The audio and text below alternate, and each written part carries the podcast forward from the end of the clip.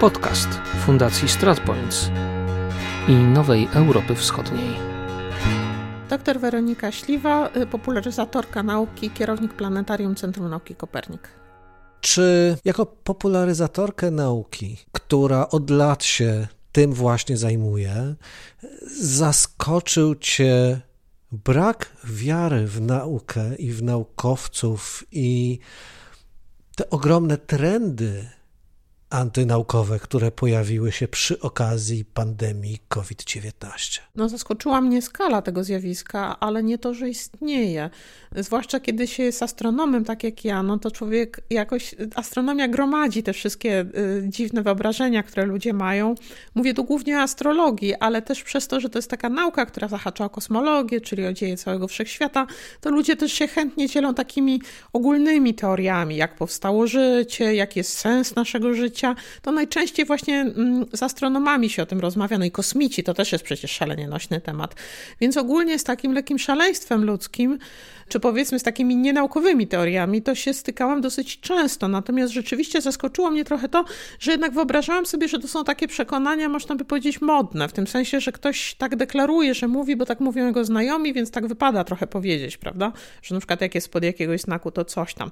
Ale że jednak myślałam, że jak będzie chodziło o życie ludzkie, tak, to jak trwoga, to do Boga, czyli że w tym momencie wrócą jakby do tej, do tej wiedzy naukowej. I to rzeczywiście mnie trochę zaskoczyło, że nawet wtedy nie. A tutaj nie jest troszeczkę wina po stronie naukowców, że nauka stała się może gdzieś tak odległa i trudna, medycyna tak skomplikowana, że wymknęła się pojmowaniu przeciętnego zjadacza chleba, a może edukacja tutaj jest problemem? Ja bym jednak oczywiście bardziej zwalała na edukację jako naukowiec, ale nie na poważnie. Chodzi mi o to, że to jest raczej kwestia tego, żeby pokazać, na czym ta metoda naukowa polega, skąd badacze wiedzą to, co wiedzą, i też mm, wydaje mi się, że w szkole uczeń rzadko dowiaduje się o tym, jak wielu rzeczy nie wiemy i w jaki sposób dochodzimy do tej wiedzy. Na ogół, na przykład fizyka, to znów jest temat, który jest mi bliski, bo e, jestem współautorką podręcznika do fizyki. Fizyka jest przedstawiana jako taka zamknięta całość, że tego się trzeba nauczyć na pamięć i wtedy, jeśli się nauczysz, no to dobrze znasz fizykę. Już mniejsza nawet o to, że to jest trudne. No ale w każdym razie o to chodzi. A tak naprawdę w ogóle się nie mówi o tym, że tak strasznie wielu rzeczy nie wiemy, że tutaj jest taka hipoteza i że jeszcze nie wiemy, czy ona jest prawdziwa, czy ona jest fałszywa. Nie ma też takiego wyrobionego zrozumienia, dlatego że na przykład to się bardzo ładnie objawiło na początku epidemii, że na początku były zalecenia jakieś, choćby dotyczące tych maseczek, potem się pojawiły inne, no to tak zmieniają zdanie, to pewnie kłamią, w ogóle nie wiedzą o co chodzi. Nie ma takiego poczucia w ludziach, że, no, że nauka to jest jakiś proces, tak? Że się stawia jakąś hipotezę, sprawdza się, czy jest prawdziwa, jeśli nie jest prawdziwa, to się stawia inną hipotezę, która wydaje się, że lepiej działać, że to jest jakiś dynamiczny proces, a nie coś takiego, że ktoś doznaje nagle jakiegoś olśnienia i od tego momentu wie. A jeśli mówi coś innego po chwili, to znaczy, że po prostu ordynarnie kłamał za tym pierwszym razem. Co w związku z tym robić? To znaczy, jak popularyzować naukę i jak o niej mówić, jak mówić o medycynie, zwłaszcza w sytuacji tak ogromnych emocji. Wydaje mi się, bo to jest po prostu strasznie trudne, ale wydaje mi się, że tutaj problem jest jeszcze głębszy. To znaczy, on nie sięga braku zaufania do nauki, nie sięga mm, tego, że ona bywa trudna, że trudno zrozumieć to, co się tam dzieje. On sięga raczej takiego ogólnego braku zaufania ludzi do siebie i zwłaszcza do instytucji. A w tym momencie naukowców trochę się traktuje jako taki rodzaj instytucji, że to proszę, naukowcy powiedzieli, oni wszyscy razem. I nie ma takiego zaufania do tego, to dotyczy nie tylko zresztą Polski. I wydaje mi się, że nawet ważniejsze od tłumaczenia jest właśnie jakieś budowanie, a to jest strasznie trudne, tak? Trudno powiedzieć, jak to zrobić. Budowanie zaufania wzajemnego, czyli takiej sytuacji, w której jak ktoś nam coś powie, co nam się może nie wydaje oczywiste, czy nawet może czasem paradoksalne, ale jednak dajemy mu jakiś taki minimalny kredyt zaufania, że sprawdzimy, że może to prawda, tylko ja nie wiem, to nie znaczy, że to ma być takie zaufanie ślepe, bezwzględne, ale żeby jednak y, no taka początkowa otwartość w tym wszystkim była. Dlatego, że przecież tak naprawdę w naszym życiu codziennym jest strasznie wiele rzeczy, których nie wiemy, a jednak im ufamy. No nie wiem, no włączamy telewizor do prądu i działa, prawda? Nikt nas nie egzaminuje z tego właściwie, jak ten telewizor działa. Trochę tak jak, mówię to przez analogię do szczepionki, prawda? nikt przed kupnem telewizora nie, nie żąda dokładnego wytłumaczenia, jak tam ten telewizor, że albo kineskop, albo LED, no bo wiadomo, czasy się zmieniają, prawda? I jakie są te normy promieniowania i czy on na pewno je spełnia i tak dalej. Jest jakieś takie elementarne poczucie, że nie zawsze oczywiście prawdziwe, też ustalmy fakty, ale jednak takie bazowe założenie, że pewnie jest dobrze, a dopiero jeżeli pojawiają się jakieś takie niepokojące przesłanki, to zaczynamy je weryfikować, prawda? Oczywiście to jest bardzo trudny temat, w tym sensie, że tutaj trzeba zachować balans, bo Oczywiście nie można być bezgranicznie naiwnym, tak? I to dotyczy również zaufania do nauki. Bywają teorie, które się nie sprawdziły, Wśród naukowców, znaczy naukowcy są ludźmi, więc bywają ludzie, którzy są wręcz oszustami. Po prostu tak jak w populacji. To nie jest tak, że w momencie, kiedy się na przykład dostanie doktora, to się od razu dostają aureole, prawda? To raczej tak nie działa. Więc bywają też oszuści i to nie jest tak, że to zaufanie ma być bezwzględne. Ja raczej apeluję o jakiś taki bazowy poziom zaufania, że na początek, to trochę jak w dylemacie więźnia, nie wiem, czy kojarzysz ten wątek, że jest taka sytuacja, że zamykają dwóch przestępców w więzieniu w oddzielnych celach, oni są winni, powiedzmy, i z każdym z nich rozmawiają tak, że no wiesz, y, jak się przyznasz, że ty i kolega, żeście popełnili to przestępstwo, to tobie obniżymy karę. No a jeśli się obaj nie przyznają, to wychodzą wolni. No i teraz taki więzień nie wie, co jest lepiej zrobić, prawda? To znaczy, czy lepiej jest y, zdradzić i wtedy dostanie karę, ale małą, czy iść w zaparte, no bo kolega też pójdzie w zaparte i wyjdą wolni. To jest cała teoria gier, która opowiada, co kiedy powinien więzień zrobić, ale globalnie idea jest taka, że jeżeli sytuacje są powtarzające, to znaczy jeśli to nie jest jednorazowo, tylko mamy z tym człowiekiem współpracować na dłuższą metę i co chwila przeżywać takie dylematy, zaufać czy nie, to wygrywająca strategia jest taka, że za pierwszym razem ufamy, a potem już oddajemy wet za wet. To znaczy, jeżeli on się okazał w porządku, to dalej jesteśmy w porządku, a jeżeli okazało się, że nie można na nim polegać, no to już wtedy my też tego kredytu zaufania nie dajemy.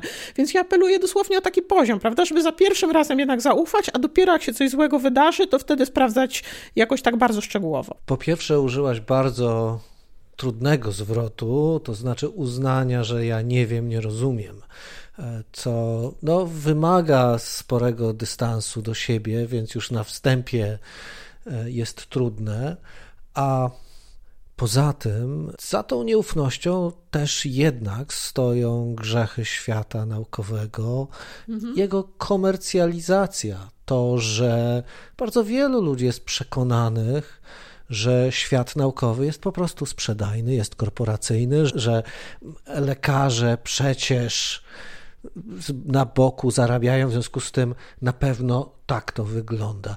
Ile w tym jest prawdy? Ile naprawdę jest nauki i etosu naukowego w nauce, a na ile jest korporacji?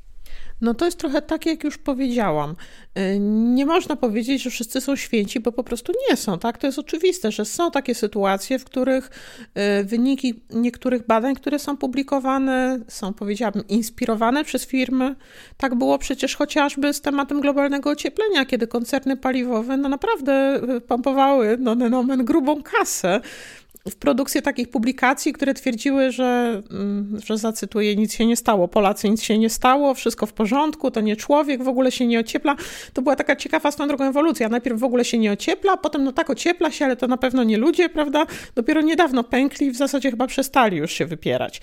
Więc chodzi mi o to, że takie sytuacje się zdarzają, ale one jednak pierwsze nie są dominujące, są raczej jednak wyjątkami, a po drugie nauka jest jednak takim procesem, takim środowiskiem, trudno powiedzieć, takim, chyba takim środowiskiem, jednak w którym są jakieś mechanizmy kontrolne, które na dłuższą metę jednak takie zgniłe jabłka wyrzucają. Czyli innymi słowy, bardzo świeża publikacja, nierecenzowana, Dopiero co wykonana można mieć, zwłaszcza jeśli ma bardzo takie wyjątkowe tezy w porównaniu do, y, do dotychczasowych, można poczekać na dodatkowe potwierdzenie. Ale po jakimś czasie jednak ten proces oczyszczania zachodzi. A druga rzecz jeszcze, którą powiedziałeś na początku, no teraz do niej wrócę, bo może nie była taka ważna, ale dla mnie akurat jest ciekawa, że powiedziałeś, że to jest strasznie trudna rzecz, że do człowieka doszło, że czegoś nie wie, nie rozumie, prawda? No to akurat wydaje mi się, że naukowcy są tymi ludźmi, którzy mają wyjątkową zdolność do tego, dlatego że można by powiedzieć, że im więcej więcej się wie na jakiś temat, tym więcej się wie, czego się nie wie. A tak naprawdę my strasznie mało wiemy o tym świecie. Ja to mówię jako astronom, na każdym kroku, kiedy się czegoś dowiadujemy, to to rodzi trzy dodatkowe pytania, na które jeszcze nie znamy odpowiedzi. I naukowiec to wydaje mi się jest taka osoba, która jest wyjątkowo dobrze dopasowana do jakiejś takiej bardzo długiej, potoczystej wypowiedzi na temat tego, czego nie wie. I to właśnie w tej dziedzinie, w której jest specjalistą. To naukowiec, ale niekoniecznie zwykły odbiorca szczepionki, czy ten, który musi założyć maseczkę i okulary mu parują na co dzień. Mówisz o tym, żeby krytycznie patrzeć na publikacje. Tu znowu jest problem ponieważ zwykły człowiek jednak, po pierwsze, nie bardzo będzie wiedział, których źródeł szukać. Poza tym, no jednak publikacje naukowe są trudne, więc gdzieś jest potrzebny pewnie jakiś też pośrednik. Popularyzator, dziennikarz. Jak to Twoim zdaniem powinno wyglądać, żeby oswoić, uczłowieczyć momentami naprawdę trudny żargon naukowy? Tak, no to są rzeczywiście po prostu strasznie trudne pytania wbrew pozorom, tak? Od mojej strony to, co ja mogę powiedzieć, to to, że ja jednak jestem, no, jako członek tego środowiska, więc czuję się tu bardzo stronniczo, no ale mówię to, co myślę, tak? To, co jest moim przekonaniem, że tutaj popularyzatorzy nauki rzeczywiście odgrywają, powinni również odgrywać taką bardzo ważną rolę w tej edukacji, ponieważ ich takim, można by powiedzieć, zadaniem. Te zadania są dwa, tak jak ja to widzę, te takie podstawowe. Jedno jest takie dość banalne, ale bardzo ważne, to znaczy właśnie takie przedstawianie nauki w sposób zrozumiały i też pokazywanie, skąd ona bierze te swoje wnioski, tak? I pokazywanie tego, o czym mówiłam, że, no, że ten proces nie zawsze jest taki prosty, że coraz więcej wiemy, czasem się trzeba cofnąć, czasami się trzeba wycofać z jakiejś hipotezy, postawić inną. To jest jedna rzecz. A druga rzecz, że teraz nowoczesna komunikacja naukowa, bo to już jest bardziej komunikacja naukowa niż popularyzacja nauki, to jest też stworzenie takiego środowiska, w którym mogłaby też nastąpić jakaś wymiana opinii pomiędzy środowiskiem naukowym, a środowiskiem tych ludzi, którzy w jakikolwiek sposób chcą się zaangażować w te działania. Czyli żeby to nie było tak, że my tylko słuchamy, prawda, jak profesor czy pani profesor opowiadają o czymś szalenie ciekawym, ale też my im mówimy, czego my byśmy się chcieli dowiedzieć, jakie tematy nam się wydają ważne, jakie dylematy z naszego punktu widzenia również moralne na przykład się z tym wiążą i czy oni też mają te dylematy i jak proponują je rozwiązać. Takiej wymiany tych informacji między obiema tymi grupami, które oczywiście się częściowo pokrywają, no bo profesor na przykład też jest członkiem społeczeństwa i też jako człowiek ma swoje dylematy, a z drugiej strony osoba zainteresowana nauką, ale nie będąca naukowcem, może też z pomocą rozumowania naukowego bardzo wielu rzeczy się dowiadywać. To nie jest nadmierny idealizm, to znaczy akademie jednak stawiają opór, twierdząc, że popularyzacja czy mówienie o nauce zwykłym językiem jest nadmiernym jej uproszczeniem, spłaszczeniem i to w ogóle e, mija się z celem, ponieważ to jest ta wieża z kości słoniowej i gdzieś tam ci naukowcy na górze siedzą i oni muszą czystość zachować. To troszeczkę zależy od dwóch rzeczy, tak? To znaczy, jedna rzecz tak najbardziej zależy od człowieka, tak? Dlatego, że jeżeli jest osoba pracująca naukowo, ale po prostu mająca chęć dzielenia się tym i znajdowania tych najważniejszych rzeczy, to również trudne rzeczy w jakiś sposób mogą być przekazane.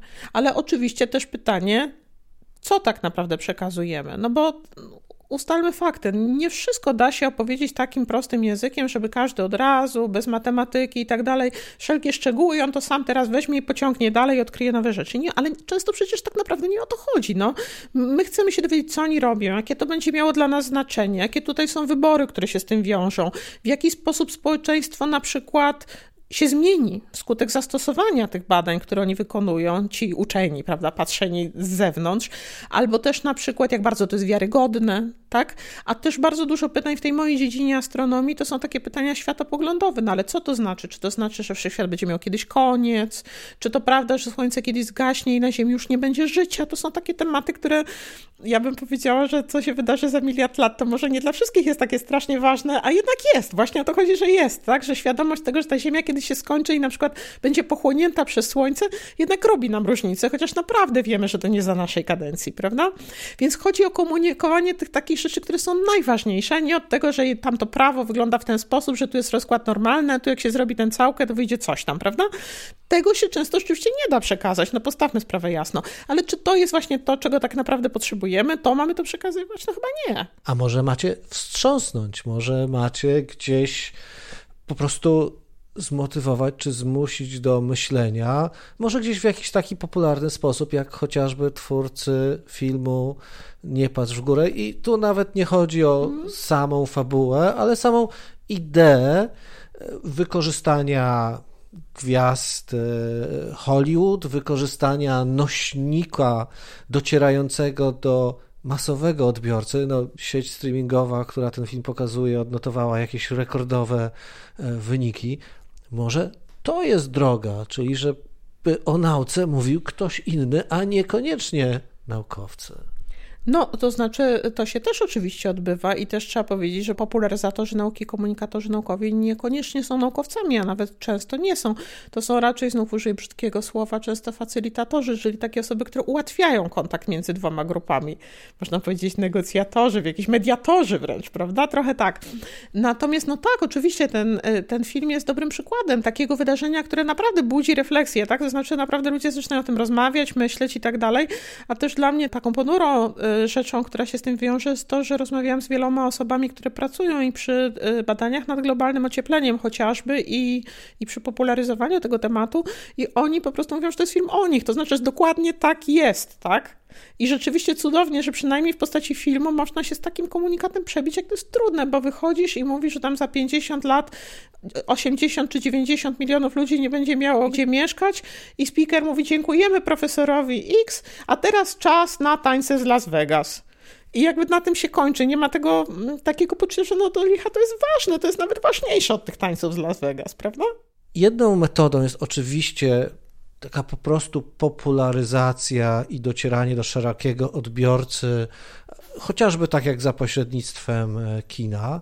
Natomiast w jaki sposób też docierać do, do decydentów, do ludzi, którzy mają środki, którzy mają wpływ, którzy mogą podejmować działania konieczne, które no, może nie zawsze są popularne. Znowu patrz przeciwdziałanie COVID-owi w różnych częściach świata. Metody są dwie i obie są słabe, od razu powiem. To znaczy, jedna to oczywiście są po prostu bezpośrednie apele osób, które wiedzą jakoś tam ciał doradczych, prawda, naukowców i tak dalej. To na ogół nie działa, ale jednak ten głos istnieje w, w tym sensie, że są decydenci, którzy myślą sobie, że jednak potem się okaże, że źle zrobili, że to niedobrze. To jest słaba metoda, ale jest. A druga to jest jednak po prostu bezpośrednio przez głosowanie. To znaczy, zanim zagłosujemy, to jednak upewnijmy się, co myśli ten człowiek, na którego głosujemy i staramy starajmy się, żeby on jednak przynajmniej na początku werbalnie deklarował jakąś zgodność z naszym światopoglądem. Tu się więcej nie wymyśli w demokracji. Tak naprawdę to, co jeszcze można zrobić, to są takie działania obywatelskie, które są na przykład prowadzone przez strajki dla klimatu, e, przez Extinction Rebel, prawda? To znaczy, mm, one mają pokazać ludziom, że temat jest ważny, że są takie osoby, dla których jest na tyle ważny, że robią takie rzeczy, i w tym momencie pojawia się w społeczeństwie taka świadomość, że może coś jest na rzeczy, że ktoś się, ktoś się tym zaczyna interesować, prawda? To są działania bardzo mocno kontrowersyjne w wielu aspektach, ale z drugiej strony one sprawiają, że ten temat nie jest, można by powiedzieć, taki ukryty, prawda? Tylko się pojawia temat. Proszę, tutaj ludziom tak bardzo na tym zależy, że. I człowiek się zastan zaczyna zastanawiać w sumie dlaczego i to jakoś też buduje tę świadomość, no ale tym ostatecznym krokiem zawsze jednak jest głosowanie, no.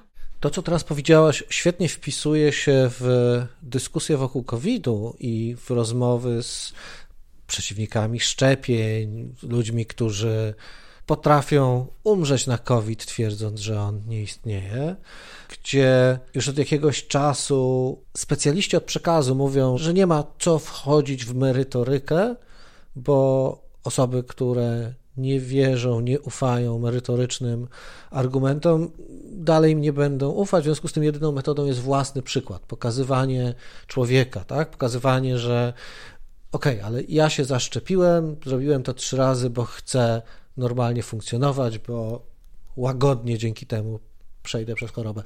To jest taka metoda, czyli nie wchodzenie w ten naprawdę trudny detal, tylko osobisty jakiś przykład, pokazanie, że jestem naukowcem, żyję, jestem uczciwa, uczciwy, mam coś do powiedzenia. Wiesz, ja bym powiedziała, że tu są trzy kategorie osób, które się nie szczepią. Trudno tak zliczyć co do sztuki, ale tak mi się wydaje, że takie ważne. To znaczy, są ludzie, którzy mają prawdziwe obawy konkretne, bo na przykład są chorzy na jakąś chorobę i ktoś im powiedział, że to wtedy niedobrze.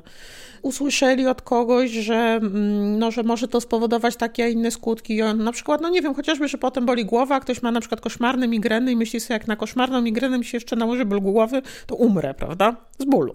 Więc jakieś takie rzeczy, które po prostu rzeczywiście powinny wyjaśnić z kimś, do kogo mają zaufanie. Kto z jednej strony ma tę wiedzę niezbędną, żeby im to wyjaśnić, a z drugiej strony oni mu ufają. W idealnej wersji to jest po prostu lekarz pierwszego kontaktu, ile się ma takiego lekarza z prawdziwego zdarzenia, tak? który po prostu porozmawia, wysłucha, powie. Być może są jakieś wyjątkowe zupełnie sytuacje, że nawet zaproponuje jakąś inną szczepionkę, czy jakąś inną technikę, czy cokolwiek, ale w każdym razie nie powie od razu, panie, co pan pyta, szczep się pan, tak? Tylko da ten czas. Druga kategoria skrajna z drugiej strony to są osoby, które po prostu wiedzą, jak jest i nic ich nie przekona. Tak, no żeby się nie wiem, co stało, żeby tutaj się niebo rozwarło, Pan Bóg się wychylił, prawda, powiedział, zaszczep się, to nie powiedzą, czy to na pewno Pan Bóg, dowód osobisty poproszę, tak? Są takie momenty, w których trzeba odpuścić, tak? No po prostu nie, to nie, no nie, nie poradzi się. I są osoby pośrodku między nimi, to znaczy takie, które no jednakże uważają, że się nie zaszczepią, bo nie, ale po jakimś czasie, kiedy zbierają doświadczenia, kiedy widzą, że no te inne osoby umierają, że jednak coś się dzieje, one czują taki wewnętrzny niepokój i przed tym szczepieniem hamują dwie rzeczy najbardziej. To znaczy, po pierwsze, takie poczucie wstydu środowiskowego, tak? To znaczy mówiłem wszystkim, że się nie szczepia, tu proszę, teraz powiedzą, przyszła koza do woza. I w wielu krajach wtedy daje się im możliwość dyskretnego zaszczepienia, tak gdzieś dalej, żeby nikt nie wiedział. To jest troszeczkę absurdalne, no oczywiście też tracimy ten efekt propagandowy, proszę zaszczepił się, ale za to zyskujemy życie ludzkie, więc chyba jednak warto, prawda? A też takie, mm, często tym drugim mechanizmem jest taki wewnętrzny właśnie mechanizm, że proszę o rany, ale się myliłem, a tu się trzeba zaszczepić, albo może się za bardzo zaparłem. Kto to lubi przyznać, że nie miał racji? No nikt tego nie lubi, prawda? I tutaj znów czasem rozmowa z kimś takim, jakaś taka, która można powiedzieć raczej pochwali go za to, że, y, że przemyślał to dobrze, że rzeczywiście słusznie, że się namyślił, były wątpliwości, ale widzę, że teraz już do, nabrał tej wiedzy i bardzo dobrze rozumiesz o co chodzi, żeby nie budzić tego poczucia takiego wewnętrznego, prawda, zakłopotania z powodu zmiany. Strasznie się ciężko przyznać do tego, że się człowiek pomylił, zwłaszcza w ważnej sprawie, prawda? Więc żeby jakoś spróbować to znów, no ale czy, powiedzmy sobie szczerze, no mało jest takich sytuacji, w których mamy y, tego człowieka przed sobą i te zasoby, żeby to wykonać, ale to jest zwykle też dobra droga, która jakby kieruje się na to, żeby no, nie wpędzać takie poczucie, he, he, he, jednak, prawda? No bo wtedy to nie. A co myślisz o wszelkiego rodzaju kampaniach walki z dezinformacją, dekretowanie tego, by media społecznościowe w jakiś sposób ograniczały dostęp do informacji nieprawdziwych albo mylących, czyli takie działanie systemowe, odgórne, czy to ma jakikolwiek sens, czy jedynie tak naprawdę spowoduje utwardzenie tego oporu i przesunięcie go gdzieś do podziemia? To jest oczywiście bardzo trudne pytanie, dlatego je zadajesz. W tym sensie, że no, nikt nie popiera cenzury, zawsze widzimy, do czego złego może doprowadzić blokowanie, sterowanie informacją, dozowanie informacji. Z drugiej strony jest też tak, że mamy pewną e, odpowiedzialność też wobec innych ludzi. Jeżeli ktoś publikuje coś, co jest ewidentnym kłamstwem, po prostu jest kłamstwem na powszechnie dostępnej stronie i, że tak powiem, nie reagujemy na to w żaden sposób, no to jednak jednak ryzykujemy taki efekt, że on powie, no jakże, no przecież było powszechnie dostępne, wszyscy wiedzieli, nikt nie mówił, że to jest nie tak, to też jest niedobre, prawda? Więc ja bym powiedziała z dosyć dużym bólem, że jestem za tym, żeby przynajmniej informacje, które są naprawdę ewidentnie nieprawdziwe, tak na przykład dotyczą danych liczbowych, prawda, dotyczą jakichś konkretnych faktów, mogły być opatrywane przynajmniej komentarzem, no totalna nieprawda, wiesz, coś takiego, ile to jest totalna nieprawda, żeby ludzie mieli szansę, bo skąd ktoś ma, czytający to ma to od razu wiedzieć, czasem to jest strasznie trudno zweryfikować. Ja w ogóle się tutaj zapalam do tego tematu, bo mam w skronie swoich znajomych jakichś antyszczepionkowców też i naprawdę często oni przychodzą z jakimiś informacjami i ja wtedy wchodzę w taki dialog, no ale skąd to wiesz? No zobacz, tu napisali. Ja mówię, dobrze, no napisali, no zobacz, nawet lekarz mówi. Ja mówię, no dobrze, no ten lekarz mówi i co on mówi? Czy on tutaj podał jakąś statystykę, czy on tutaj miał jakąś publikację? Bardzo często okazuje się, że te informacje da się zweryfikować negatywnie, tak? To znaczy, że ich nie ma, że po prostu powiedział, ale nie zawsze jest to łatwo zobaczyć. Już nie mówię o takich po prostu chamskich kłamstwach, tak? I chamskie kłamstwa pewnie są najmniejszym problemem. Największym problemem są celowe manipulacje, półprawdy, a tak naprawdę największym problemem jest to, o czym na początku mówiłaś, czyli brak zaufania do naukowców, do nauki i w ogóle zaufania między ludźmi. I to bardzo ciekawe, że rozpoczynając rozmowę o covid o pandemii, o nauce, tak naprawdę zeszliśmy na temat e, zaufania wzajemnego i, i relacji e, międzyludzkich, relacji społecznych, ale pewnie od czegoś, od czegoś trzeba zacząć budowanie tej lepszej przyszłości. Póki jeszcze to okienko nadziei gdzieś tam jest. Bardzo, bardzo dziękuję. Dziękuję, do zobaczenia. To był podcast Fundacji StratPoints i Nowej Europy Wschodniej. Realizacja Free Range Productions.